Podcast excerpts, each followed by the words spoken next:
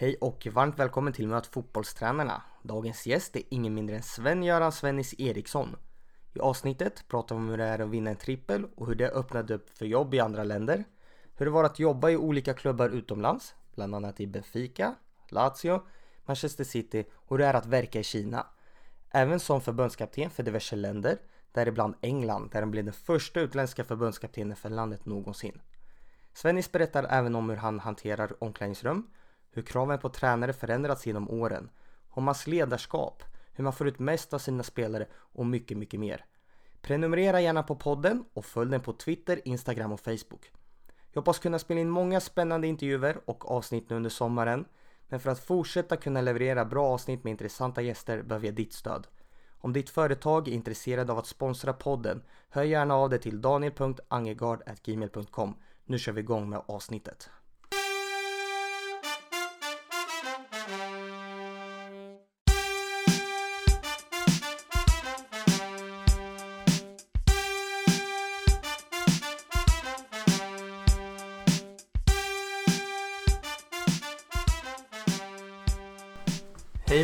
Varmt välkomna till ett nytt avsnitt av Möt fotbollstränarna. Idag sitter jag hemma hos Sven-Göran Svennis Eriksson. Varmt välkommen. Tack Hur är läget? ha och välkommen till Värmland. Tack så mycket. Hur är läget med dig idag? Läget är fantastiskt bra. Solen skiner, vackert väder så att eh, allt är bra. Vi träffas hemma hos dig på, i ditt fina boende. Hur trivs du här? Ja, här trivs jag ju bra. Det är ju lite grann mitt i ingenting kanske men det är vackert. Fin natur, vacker sjö och nej, det, det är lätt att trivas här.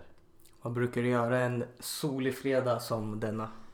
Jag motionerar ganska mycket. Jag har varit ute och gått, eh, har en hund, gått med hunden på morgonen.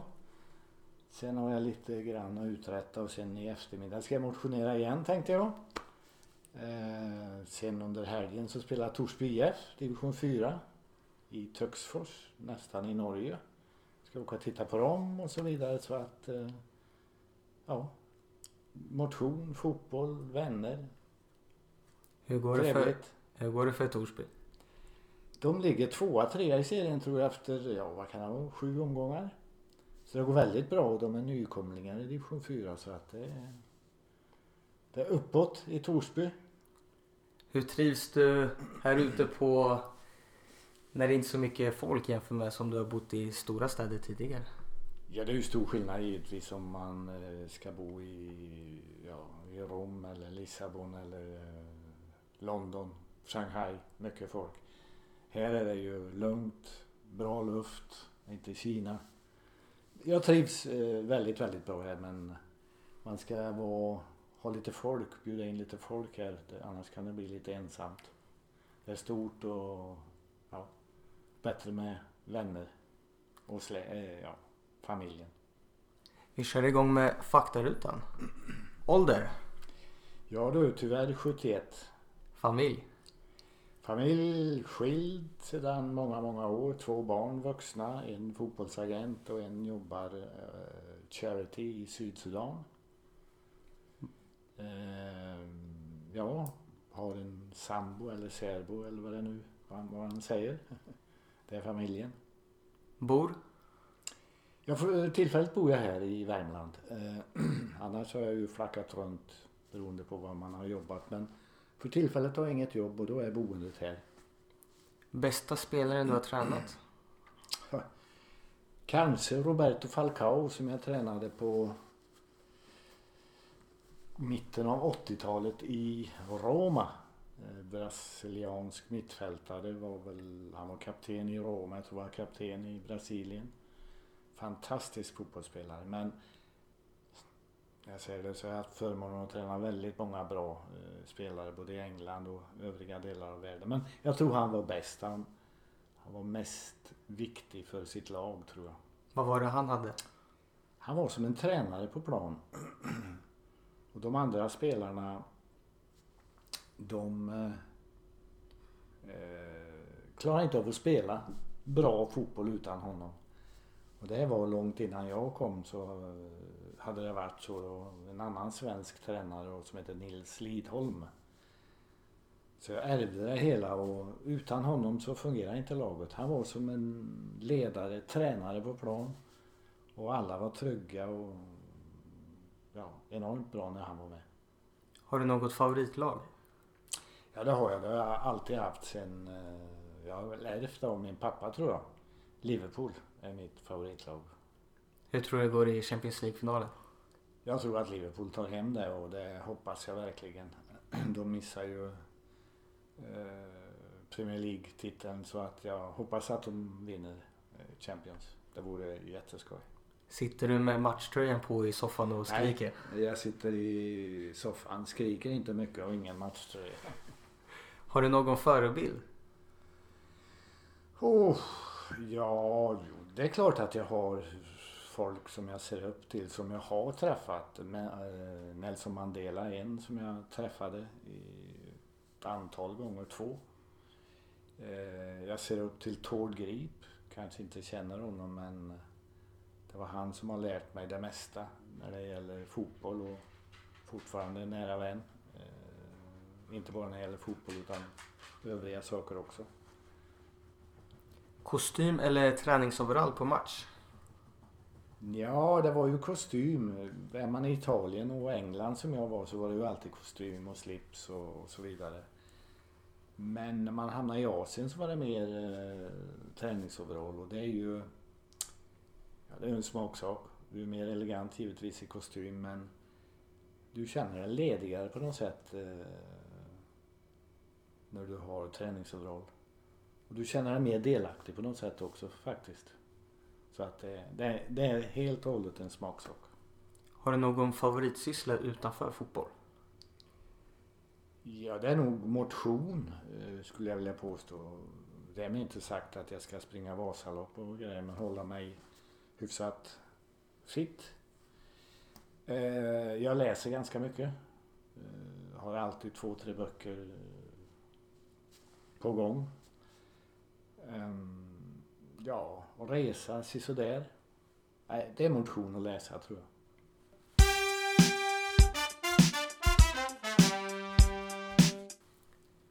Hur var du själv som spelare? Under din aktiva karriär var du ju högerback. Ja, jag började som mittfältare och sen blev jag högerback. Ja. Nej, inte speciellt bra. Jag var väl... Jag nådde ju då på den tiden division 2 va. Det är väl typ superettan idag. I KB Karlskoga heter det laget. Som hade bra fotbollsspelare eh, för att vara ett division 2-lag. Och jag var inte bäst där, långt därifrån var jag det. Men då det var då komma tillbaka till Tårgrip när jag var 27. För han var min tränare i KB Karlskoga, spelande tränare. När jag var 27 så tyckte han att eh, jag skulle sluta spela och bli tränare istället. Och det var ju då han tog över Degerfors som tränare och jag blev hans assistent då. Jag var ingen bra fotbollsspelare. Men jag tränade väldigt, väldigt mycket och drömde om att bli allsvensk spelare och spela i landslaget och bli proffs. Jag blev inte något av det.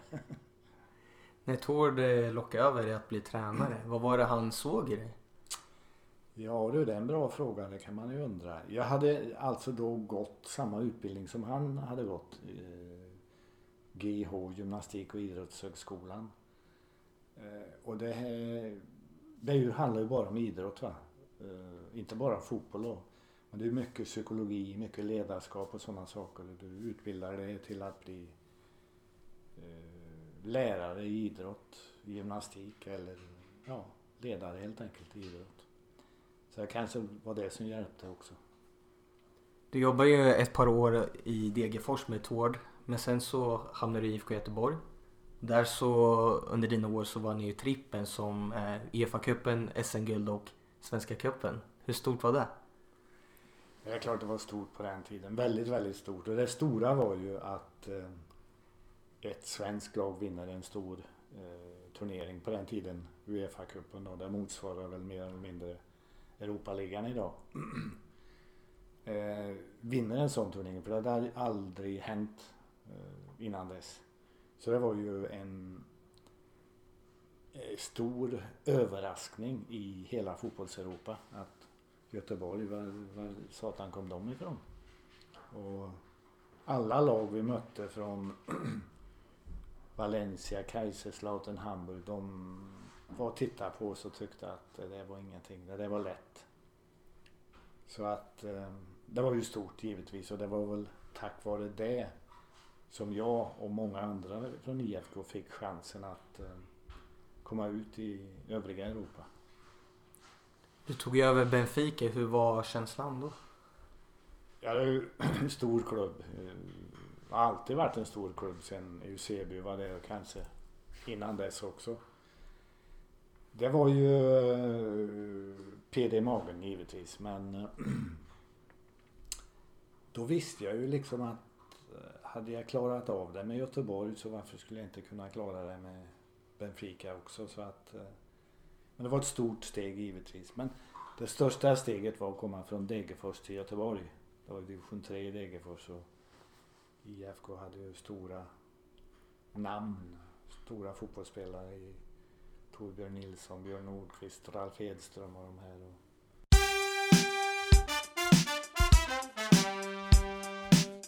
I Benfica, hur såg de på dig som svensk och utländsk tränare?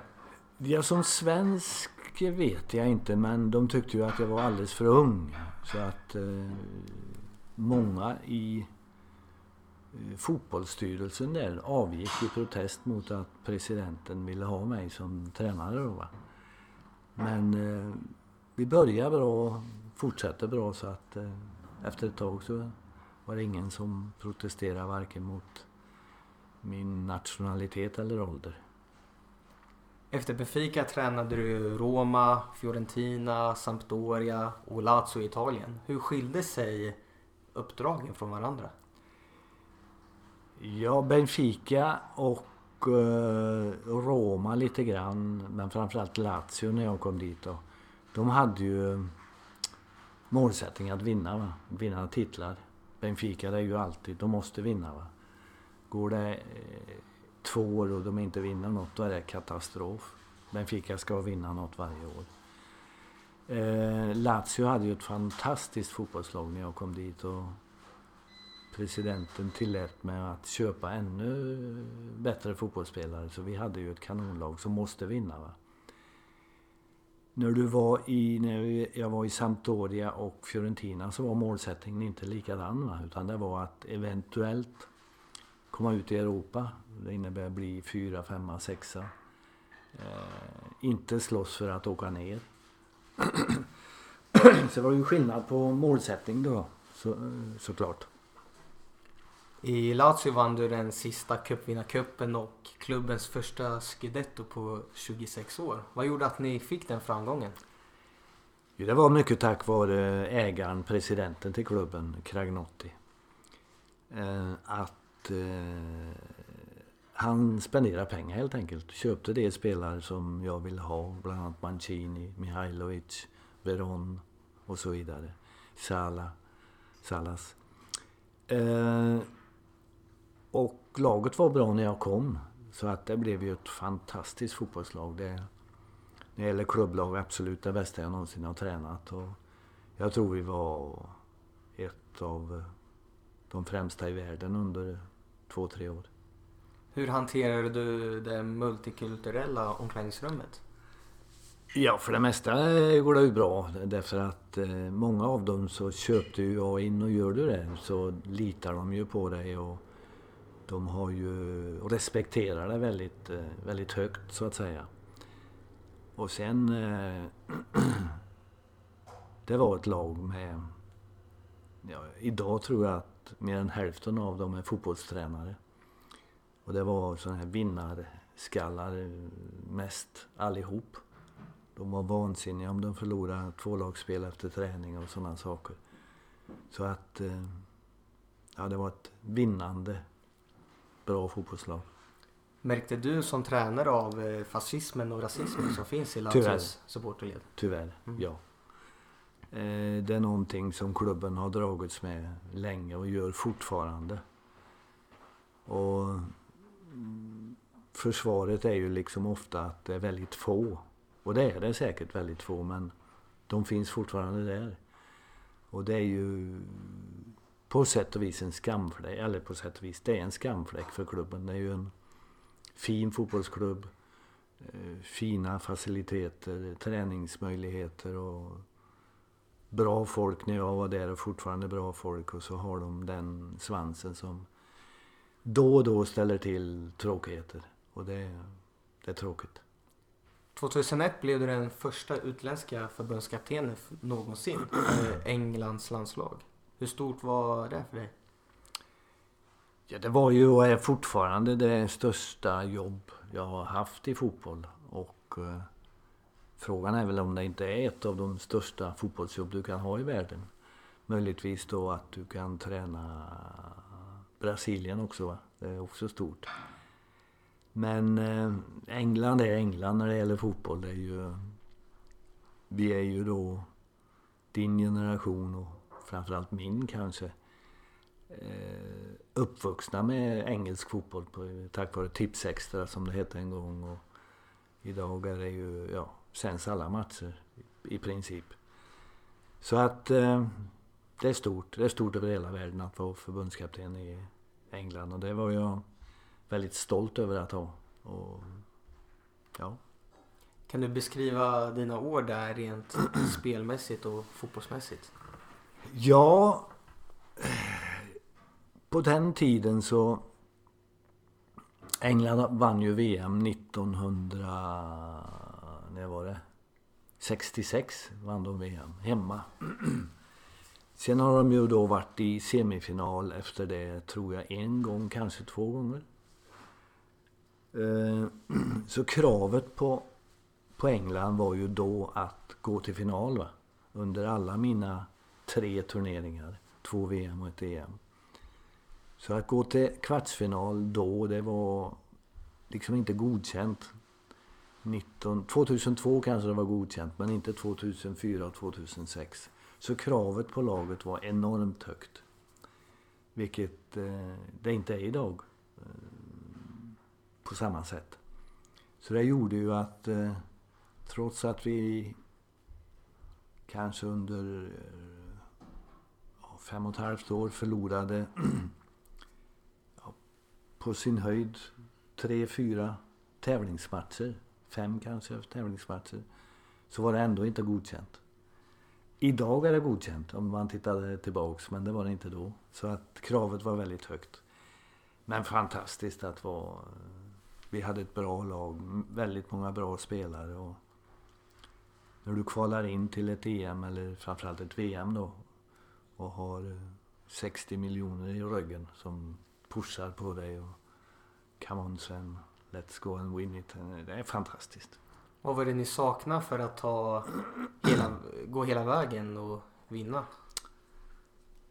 Ja, lite, lite tur kanske. Vi hade otur med att vi fick 2006 eh, trodde jag att vi skulle vinna VM. Ronigård blev utvisad i eh, kvartsfinalen.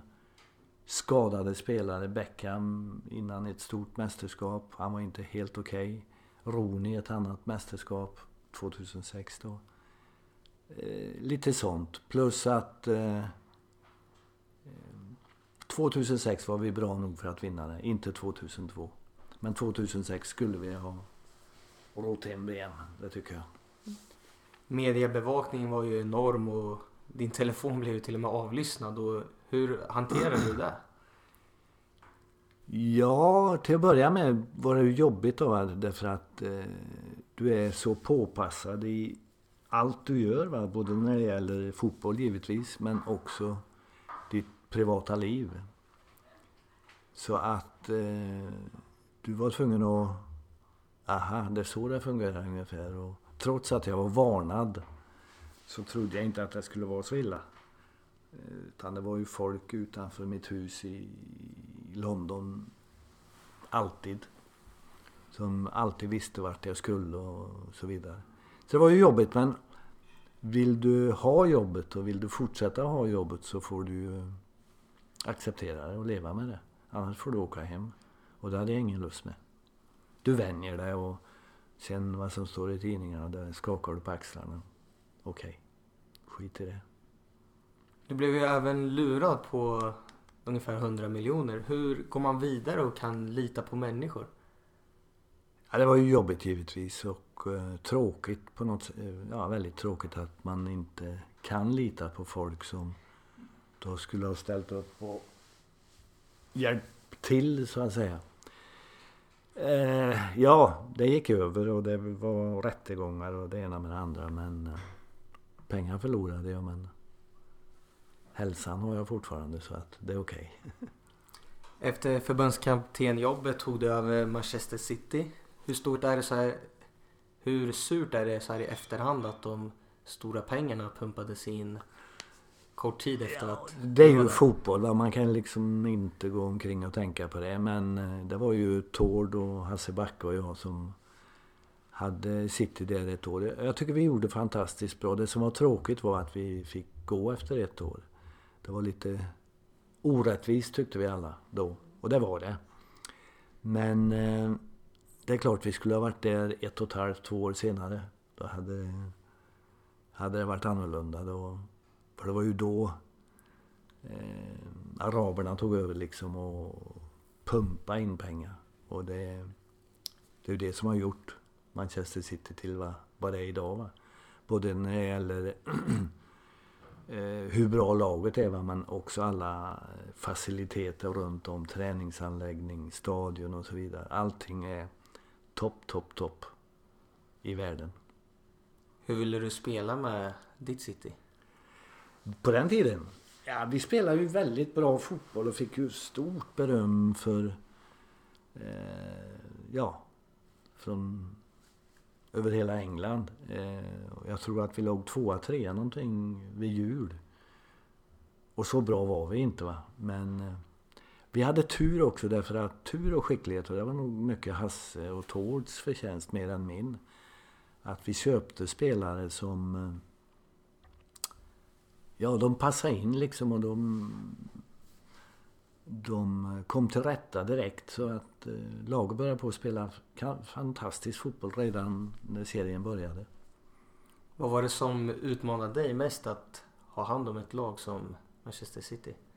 Jag var i Premier League och då hade jag varit ledig ett år efter 2006 när jag slutade med England. Så hade jag ett ja, sabbatsår. Och sen kom City och jag tänkte okej, okay, återvänd till England och och tyvärr blev det bara ett år men ändå. Det var, det var trevligt. I England var det ju även i Notts County och sen i Leicester som då befann sig i Championship. Hur, vilka skillnader är på att vara tränare i Championship jämfört med Premier League? Ja, Notts County var ett stort misstag. Tyvärr. Eh, det var något fantastiskt när jag... Jag var liksom inte intresserad men jag blev övertalad kan man säga. Vitsen med det, det var liksom att jag fick fem år på mig att eh, ta upp Notts County till Premier League. Och jag fick bestämma allting i klubben. Jag fick vara tränare om jag ville eller sportdirektör eller president. Precis vad jag ville. Så jag tänkte på ålderns höst, suveränt jobb. Men sen visade det sig att eh, det som då hade köpt klubben var ja, de hade inga pengar helt enkelt. Så det var som en blåsning alltihop. Och det var ju väldigt, väldigt tråkigt och, och jobbigt. Så det var ett stort misstag. Leicester eh, fick jag sparken ifrån och, och som jag sa, jag fick sparken från City och det var, det var, det var inte bra. Och det var inte rättvist från City men från Leicester var det riktigt därför att eh, vi köpte fel spelare helt enkelt. Vi fick pengar, vi köpte spelare och uh, jag tror vi köpte fem stycken. Jag tror tre, nästan fyra av dem blev inte alls vad vi hade tänkt. Så att uh, resultaten var inte bra så att det är inget att säga om. Hur är skillnaderna då mellan Championship och Premier League som tränare? Jo, det är ju stor skillnad. Det är väldigt tufft i Championship. Du spelar enormt många matcher. Och det är aldrig enkelt. Det är en fight från första till sista minuten hela tiden. Många gånger ingen bra fotboll men står du inte upp och tacklar och slåss då åker du dit så det smäller om det. Så det är en tuff, riktigt, riktigt tuff liga. Leicester ville ju upp till eh, Premier League men eh, det gick ju inte så bra. Hur är det att vara tränare i en klubb som vill uppåt men som det inte riktigt funkar för? Ja, jag visste ju att de ville upp och det var ju mål, ja, målsättningen och jag trodde att vi hade fått ihop ett ganska bra lag som hade chans men eh, det visade sig att tre av nyförvärven de, de höll inte. Eh, tyvärr. Och det var ändå spelare som jag kände så att eh, två av dem höll väl. Eh, en av dem. Eh, och han är ju fortfarande kvar. Men så är det. Tyvärr. Och är man tränare och inte träffar rätt när man köper spelare så är det, det är okej okay om de sparkar dig då. Som förbundskapten var du ju även i Mexiko. Hur var, hur var det jobbet? Alltifrån kultur till fotbollen där? Ja, jag gillade Mexiko. Dels när det gäller kultur, människor oerhört vänliga och så vidare. Fotbollen ganska bra. Eh, målsättningen det var ju att gå till åttondelsfinal. Eh, åttondels, eller kvartsfinal. kvartsfinal. Hela tiden Mexikos målsättning.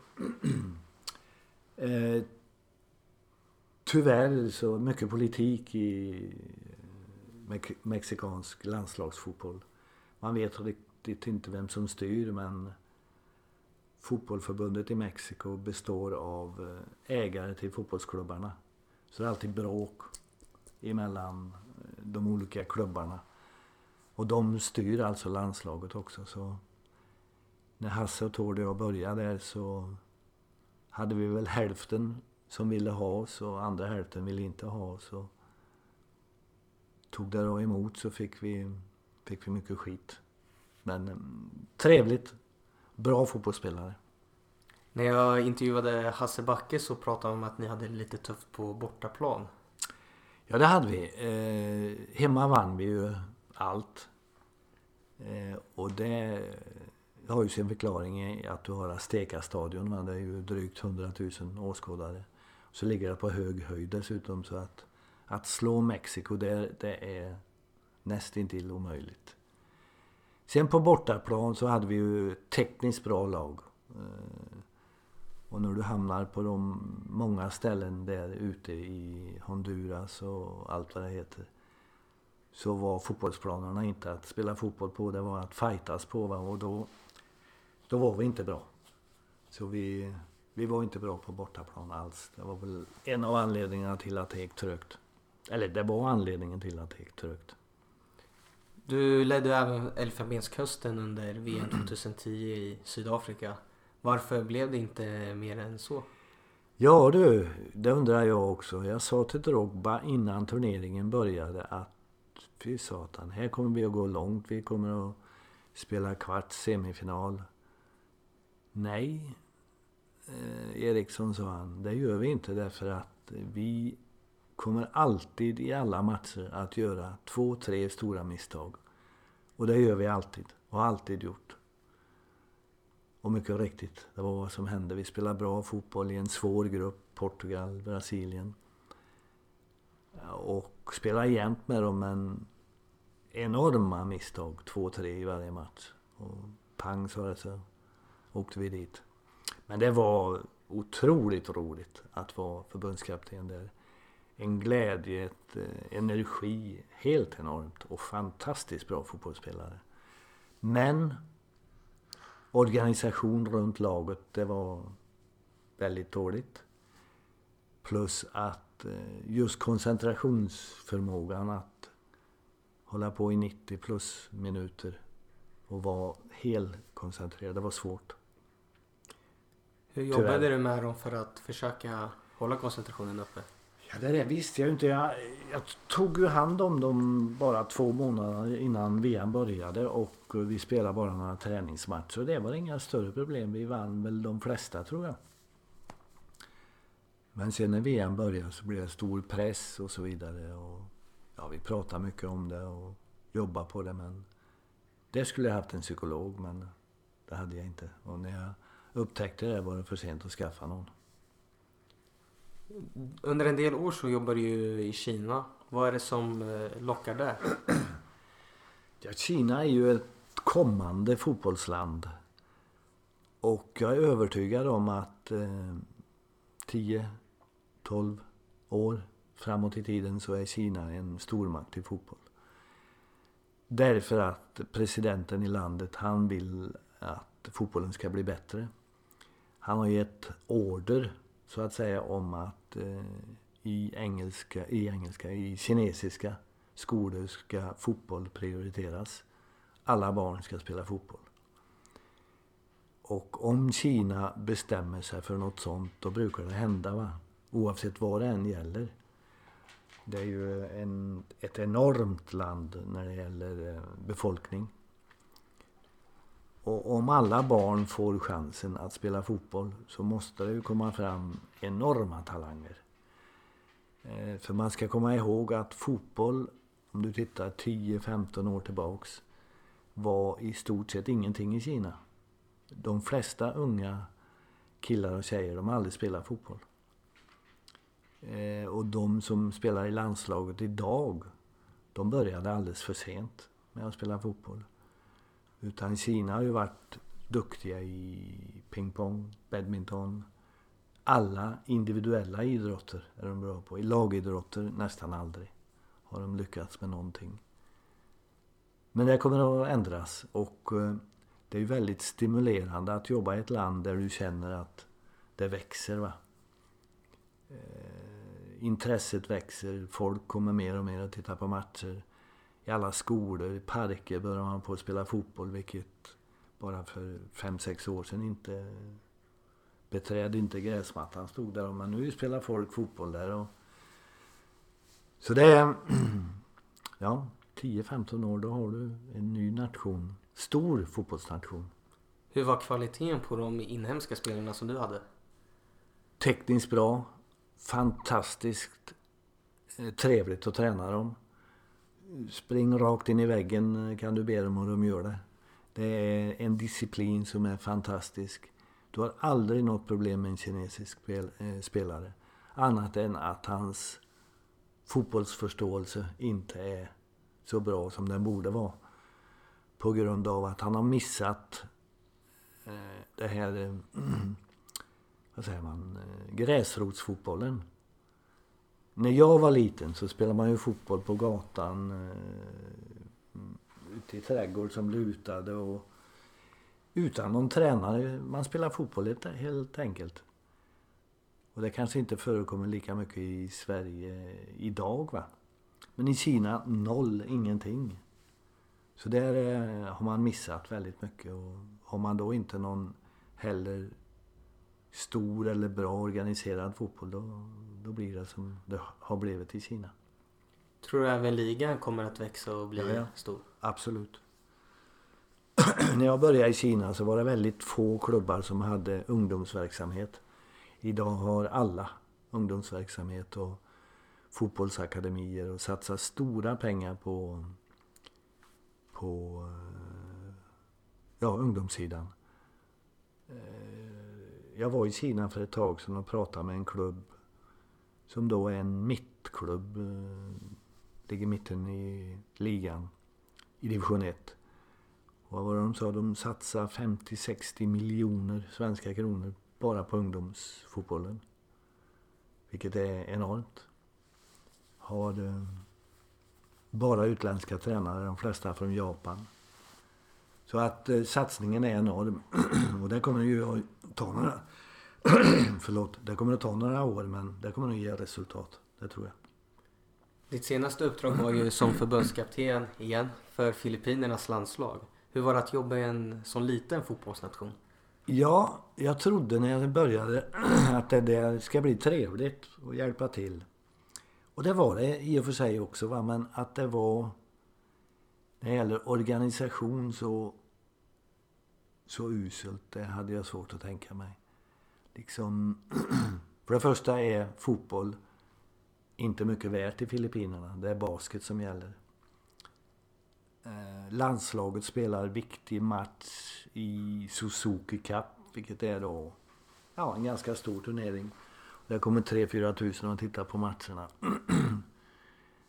eh, så att bara det är jobbigt va, men sen runt omkring fungerar, fungerar det är väldigt, väldigt dåligt. Det, blir, det är jobbigt och du har alltid problem varje dag när du är med landslaget som inte har med fotboll att göra.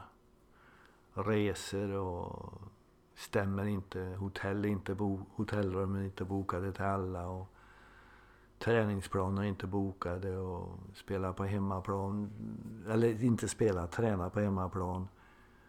Klockan sju på kvällen finns ingen som sätter på lyset på stadion. Skitsaker som du inte i Europa behöver ens tänka på. Va? Men allt sånt fungerar väldigt dåligt tyvärr. Så att jag förstår varför fotbollen inte är större än vad den är. Var du väldigt frustrerad då? Eh, ja, du blir ju det va. Tänker man i satan. Jag är ju här för att ge hjälp när det gäller fotboll va. Men det var så många andra saker som... Det blev bara jobbigt alltihop till slut. Tyvärr, tyvärr. Men äh, trevliga människor och ja, fint land och de supporter vi hade var ju väldigt entusiastiska. Så vi klarade av Suzuki Cup. Jag tror vi gick till semifinal kanske. Jag tror det. Men sen kom vi ut i asiatiska mästerskapen och möter Sydkorea och då var det... Det var många steg för mycket för oss. Vad krävs det för att du ska ta ett uppdrag idag? Det har ju ryktats lite om Skottland och sådär men hur nära har det varit liksom någonting? Nej, det är mest rykten. Eh, agenter som håller på. Men jag har liksom inga... Idag har jag ingen förhandling med någon klubb eller något landslag. Det har jag inte. Även om jag ska träffa några så småningom. Ja, jag har lust att jobba fortfarande. Eh, så länge jag känner mig frisk och vill hålla på och umgås med unga fotbollsspelare så, så kommer det något som jag tycker är vettigt och roligt och så vidare så säkert hoppar jag på det. Vi får se. Men det är ingenting som är ett måste för mig utan kommer det så kommer det. Ser du dig på en klubblagsnivå eller helst som förbundskapten eller? Det spelar ingen roll bara man känner för det va. Det är som Filippinerna. Det är ju ett omöjligt uppdrag egentligen va. Men när jag träffade dem så kände jag för det och tyckte att det här blir trevligt och hjälpa till och så vidare. Så jag tog ju inte Filippinerna för att det var ett bra fotbollslag eller för att de betalade bra med pengar. Det var inte något av det men... Ja, det är något du känner för så... Så kommer jag ta det. Du har jobbat under många år som både förbundskapten och klubbtränare. Vad... Hur skiljer sig jobben och... Jo, det skiljer sig på det sättet framförallt att om du har ett klubblag så kan du göra mycket mer med laget. Du kan forma det så att det blir ditt lag på ett eh, bättre sätt och ett snabbare sätt. Landslag tar det ju tid. Va? Är du förbundskapten under många år så kan du sätta prägel på det. Va? Men ta till exempel, du ska byta eh, sätt att spela, spelsystem. Väldigt svårt i ett landslag därför att du har dem så få, vid så få till, tillfällen klubblag har du ju hela försäsongen och träna in det, träningsmatcher och så vidare. Den tiden har du inte i ett eh, landslag. Har det nära någon gång varit att bli svensk förbundskapten? Ja, det har jag. Haft erbjudande för några år sedan. Men då hade jag nu skrivit ett kontrakt med ett, eh, en annan klubb. Så att eh, jag tackade nej då. Och det, Rätt eller fel, vem vet det. Men så är det. Hur har kraven förändrats på tränarnas kunskaper genom åren skulle du säga? Ja... Eh, en gång så var det ju egentligen bara fotboll du borde kunna. Eh, pressen var alltid på din sida. Jag kommer ihåg med IFK Göteborg till exempel så när vi spelade tipscupsmatcher heter det. Vi spelade Uefa-cupen. Vi var med i cupvinnarcupen året innan. Så när vi reste så åkte vi med pressen. i samma buss, i samma flight, samma hotell. Umgicks, de åt med oss och så vidare. Tar du den delen så är ju det helt otänkbart idag. Att någon journalist eller ett helt, en kår av journalister ska åka med engelska landslaget eller åka med Lazio eller dylikt. Det förekommer inte. Därför att minsta fel du gör som tränare idag så har du tjom pressen på dig. Och det skrivs och det är speciellt i England och även i Italien och så vidare. Men på min tid i IFK Göteborg, det är ju länge, länge sedan va.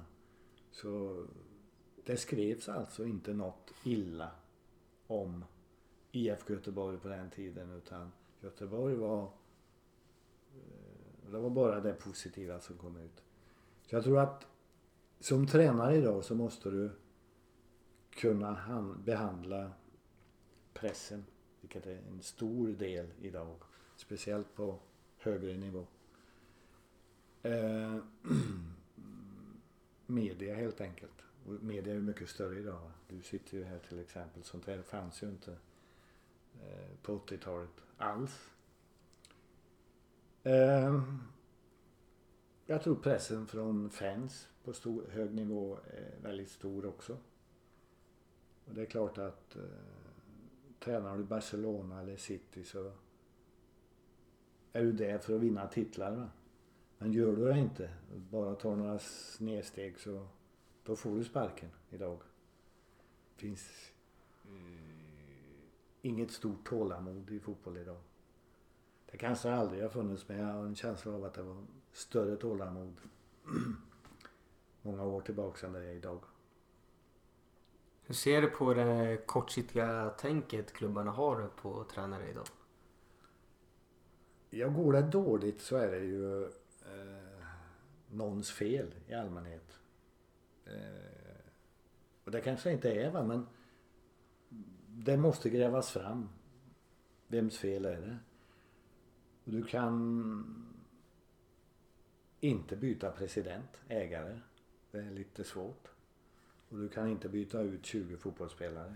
Det är också svårt utan den som åker det är ju tränaren. Och på sätt och vis är det orättvist. Men på ett annat sätt så är det också riktigt. För det är ju tränaren som i allmänhet bestämmer vilka spelare som ska komma in eh, till klubben och vilka som ska gå och så vidare. Det är ju i de flesta klubbar eh, tränaren som avgör det. Va? Jag ska inte säga alla för det kanske inte är va men. Eh, som tränare tar du ut laget. Du bestämmer hur man ska spela och så vidare. Och går det åt helsike så är du på något sätt ansvarig och då är det väl kanske riktigt att du får gå. Fotbollens utveckling över tid från att du var tränare i Europa tidigt 80-tal till idag. Hur ser du på den och trenderna? Ja, IFK Göteborg vann ju då eh, Uefa-cupen. Ja, inte bara en gång utan två gånger på tre år tror jag. Och en av anledningarna, en anledning, bra fotbollsspelare i Torbjörn Nilsson, Strömberg, Hussein och allt vad de heter. De blev ju proffs allihop de där så småningom. Men en annan anledning är ju var sättet vi spelar fotboll på. Det var väldigt aggressivt. Det var ett kort kompakt lag som pressade överallt. Ja, inte överallt. Vi valde. Ska vi vänta eller ska vi... Men när vi en gång har satt in press då var det, då var det press va. Och så spelade man inte fotboll i Europa på den tiden. Det var liksom du avslutade anfallet och sen gick man hem så att säga och inväntade folk. Speciellt spansk fotboll, it, eh, tysk fotboll, italiensk fotboll. Och vi kom då med ett gäng amatörer. Det var rörmokare och banktjänstemän och dylikt. Och började på pressa dem och de förstod ingenting. Så vi fick alltså väldigt bra betalt inte i pengar, betalt i resultat för sättet vi spelar fotboll på. För det, Det var egentligen bara Liverpool som spelade så på den tiden. Ehm, men idag får du inte betalt alls för det. Alla lag är likadana. City, Barcelona, allt vad de heter. Tappar de bollen, pang säger det bara. Så är de där och pressar. Tar den tillbaka så snabbt de kan. Och det är... Där har fotbollen utvecklats enormt. Alla lag är aggressiva idag. Du liksom kan inte gå och drälla med bollen. Från det ögonblick de sätter in press. Va? Du kan ju välja att avvakta lite. Va? Men... Så det är, det är nummer ett. Sen nummer två är ju tack vare det så måste du spela fotboll med ett och två tillslag idag. Det går liksom inte att hålla på och drälla med bollen allt för mycket om du inte heter Messi. Han kan ju dribbla av fem stycken. Men de flesta kan ju inte det så släpper du inte bollen då tappar du den. Plus, ta något mer. Du är av de tio, av de elva så är du försvarsspelare när motståndaren har bollen. Du är inte anfallare. Alla är försvarsspelare. När vi har bollen så är vi anfallsspelare. En gång ytterbackar, de var ju försvarsspelare. Va? Idag är de ju yttrar och ska ha bra fötter och till och med målvakten ska ju ha bra fötter idag. På den tiden målvakten kunde ta bollen tillbakapassningar, ta den med händerna. Han behövde ju inga bra fötter. Utan han tog ju upp den och sparkade ut den. Så tekniskt sett eh, är fotbollen mycket bättre. Och snabbheten, spelförståelsen måste bli bättre eftersom du måste släppa bollen hela tiden. Och det är en utveckling som går framåt eh, mer och mer. Snabbhet. Fler spelare i laget måste vara kvicka. Vilken eh, fotbollsfilosofi är det du står för? Ja, det var ju väldigt mycket kick it long när jag började. Eh, och press. Pressen har hela tiden följt mig men det är inte kick it long idag utan det är att försöka spela. Va? Men samtidigt så de bra lagen sätter ju, bildar ju skola på något sätt. Fotbollsskola och Barcelona är ju då det bästa exemplet. Det är ju tic-tac och även om eh, det verkar omöjligt att målvakten ska kunna kasta bollen nära nästan i eget straffområde så gör de det ändå va. Och de klarar av det. Men tror man då att eh, man ska kunna spela så i division 2, 3, 4, 5 i Sverige då har man missuppfattat allting va. Det är klart att det är vackert att du försöker att spela va? men eh, för att spela den fotboll som Barcelona spelar så måste du ha spelare. Va? Annars så du tappar bollen och det smäller till bara. Och du ser ju, jag åker och tittar mycket fotboll. Du ser ju att eh, många lag försöker, till och med i Allsvenskan har jag sett några matcher.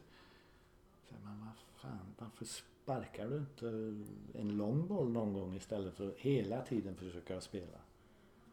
Det, ja, ja.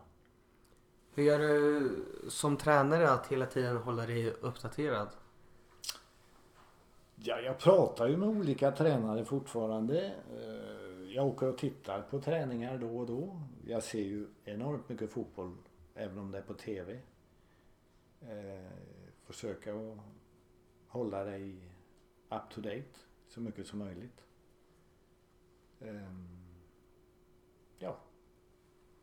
Att jobba med video och göra sådana analyser har ju ökat enormt mycket senaste åren. Hur bekväm är du med att jobba med sånt? Ja, det är jag noll bekväm med. Men jag har alltid haft hjälp och gjort det. Sedan många år tillbaka. Så video, analysera egna lagets prestation. Motståndare. Scouta spelare för att köpa och så vidare. Så videon och anal, analyster, säger man så? Ja, videoanalytiker finns Analytiker. det De har ju växt till antalet och dugligheten där är ju fantastisk. Men jag kan det inte men jag har alltid sedan många år haft folk anställda som gör det åt klubben. Eller åt landslaget. Det är ju ett måste idag. Hur har ditt eh, ledarskap eh, påverkats av att vara utomlands? Har du, hur mycket måste man skilja sig jämfört med att jobba i Sverige? Eh, när jag flyttade utomlands så var det stor skillnad. Man kommer ju då från ett land som är demokratiskt sedan hundratals år tillbaks i tiden. Och att du i skolan uppmanas att ha åsikter och tycka till om saker och ting. När jag kom ut utomlands till Benfica till exempel som tränare och frågade vad spelarna tyckte och tänkte. Så sa de bara Mister, Mister. Nej, Mister är betalt för det att ta sådana beslut. Prata inte med oss. Tala bara om vad vi ska göra. Så där var skillnaden enormt stor. Men då ska man ju komma ihåg att Portugal och många andra länder de var ju diktatur till inte för allt för länge sedan. Men idag tror jag att eh, europeisk fotboll till exempel liknar väldigt mycket eh, den svenska modellen hur man är som ledare. Att eh, spelare är med och tycker och tänker och du som ledare blir mindre och mindre auktoritär och mer och mer försöker få med eh, killarna så att de har en åsikt. Ska vi spela så här? Är det här det bästa sättet? Har ni någon åsikt om att vi kan göra någonting bättre så kommer det. Det tror jag är mer och mer vanligt även i, i uh, utlandet. Du tränar många världsstjärnor. Hur gör du för att få ihop grupperna och få alla att dra åt samma håll? Ja, för det mesta är det väldigt enkelt därför att de här stora stjärnorna är stora stjärnor tack vare att de jobbar jädrigt hårt. Jag tror aldrig jag haft någon stor stjärna som inte tränar ordentligt och bra. Därför att är de stora stjärnor så vill de vara det i hundra år till om det är inget. Och det går ju inte men så länge som möjligt.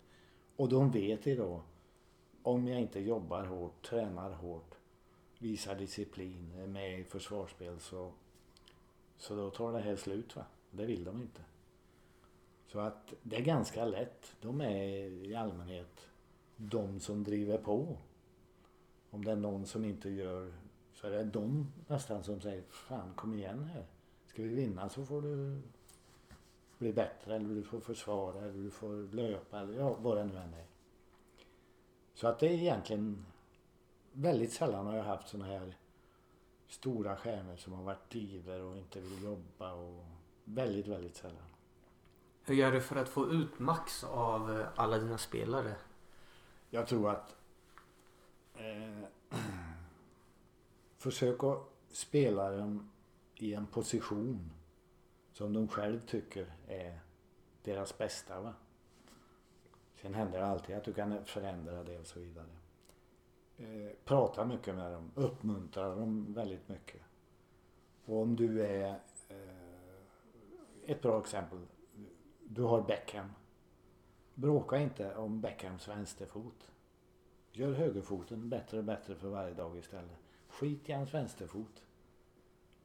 Säg inte till en nu måste du träna vänsterfoten för den är inte så bra. Nej, låt den vara. Högerfoten. Gör den än mer perfekt. Och det tror jag är Försök att utveckla så mycket som möjligt det du är bra på. Va? Sen om du är värdelös totalt på vissa saker så måste du förbättra det också. Va? Men, och du som, som spelare, om du får träna än mer på det du är bra på för att göra det ännu bättre, då är du oerhört motiverad. Men om du ska hålla på och trilskas med något som tar emot, då är motivationen inte alls på samma nivå. Så jag tror att det är viktigt också. Men mycket samtal. Och speciellt det som sitter på bänken och kanske inte får spela så mycket. Du måste upp med modet och prata med dem och klappa dem på ryggen och en kram. Och Vad tycker du har varit svårast och är svårast i tränarskapet? Ja, det som är det jag ska inte säga det viktigaste, men det som är viktigt det är, det är att du skapar en bra spirit, anda i gruppen. För gör du det och får med dig allihop liksom. Eh, så att de vet vad de ska göra. De accepterar att det är bra det, det vi ska göra. Vi ska nu ut och spela 4-4-2. Vi spelar borta och vi ska spela si och så. Förstår alla, accepterar alla, tycker alla att det är bra. Okej, okay, då kör vi. För om du inte har det där så blir det alltid gnäll. Det ena eller det andra. Och vad var din fråga? Vad som är... Svårast? Jo. Om du inte har den här andan i laget. Att vi jobbar ihop, vi stöttar varandra, vi hjälper varandra, vi ser positivt. Försöker se positivt på saker och ting. Förlorar du två matcher, då går det åt helvete sen. Men om du har den här andan, vi är tillsammans, vi är en grupp och så vidare. Då kommer du tillbaks efter nederlag. Det går att ta emot, det går, men du kommer tillbaks. Men är inte spiriten den den ska vara, då är det väldigt svårt att komma tillbaks. Diego Simeone har ju nämnt dig som en inspiratör. Har ni haft någon kontakt? Jag hade ju Jag köpte honom som spelare till Lazio från Inter. Hade honom väl där i två år. Han var med och vann ligan. Jag tror han var med och vann cupvinnarcupen och, och säkert. Han var med och vann titlar. Eh, han och jag var nog väldigt olika när vi träffades. Han en enorm tuffing. Som spelare. Liksom. Det var bara ett sätt. Och han var inte en briljant fotbollsspelare. Men det var en stentuff jäkel. Och det small bara på mitten där. Enorm bollvinnare och spela enkelt. Dum, dum, dum. Och klok. Alltid rätt position. Men liksom ingen som dribblade av folk eller drog till och satte den i krysset och så vidare. Men en enormt nyttig fotbollsspelare. Och det, jag visste inte att han har gjort det men det var ju trevligt att höra. Eh, jag tror att det jag lärde honom var att vara lite mer eh, lite mer ödmjuk kanske. Eller, inte ödmjuk, det var inte rätta ordet utan mer eh, tolerant eller mer det var bara ett sätt för honom. Och liksom gjorde någon fel så skällde han ut folk. Han blev vansinnig. Jag sa till vi är inte perfekta. Du, du måste acceptera att det blir fel ibland. Prata, förklara. Men eh, han gör ju ett jättejobb i Atletico Madrid. Och de var i Kina så vi spelade en vänskapsmatch mot dem med ett lag jag hade där. Så jag pratade med en och jag var och tittade på träning de hade och sen sa jag till dem det de är otroligt fysiskt starka dina spelare. En jädra löpförmåga och press. Och Sven sa han, det är väldigt enkelt. De spelare springer de inte som fan så spelar de inte. Väldigt enkelt Och det stämmer nog. Om jag känner honom rätt. Och så Atletico Madrid. De har ju under många år under hans tid nu varit topplag i ligan. Med i Europa. Både Champions och Europaligan och slåss. Och frågan är om de är så bra. Utan jag tror att det är hans stil och hans... Eh, de är ju otroligt aggressiva och jobbar som satan. Det är mycket hans förtjänster tror jag. Vilka tränare håller du högst i världen idag? Oh, det är väldigt svårt att bedöma tränare. Man borde åka och titta på träningar väldigt mycket då. Va? Men folk som jag tycker om som tränare är ju Lippi till exempel. Ancelotti. Eh, Mancini. Det är vettigt folk. Eh, fötterna på jorden. Eh, duktiga i det de gör. Bra inspiratörer. Sen har du sådana som jag inte tycker om och det är det tuffa, arroganta och så vidare. Det behöver jag inte berätta namn om. Men så är det ju.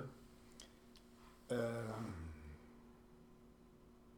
ja, Tord Grip, bästa fotbollstränaren någonsin.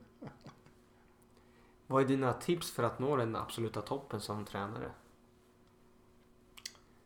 Ja du. Du måste ju vara med att eh, i utvecklingen av fotboll. Va? Du måste ju kunna eh, saker och ting. Och du måste ha en filosofi. För ska du stå där och predika inför 20-25 fotbollsspelare vad du vill göra, då liksom det håller inte att vara lite vag, säger man så? Lite svävande utan du måste förklara exakt vad du vill att folk ska göra. Det går, det, det går inte an att stå där och prata skit. För det avslöjas inom en kvart. Eller en månad eller vad det är. Sen tror jag att du måste vara lyhörd och, och så vidare. Och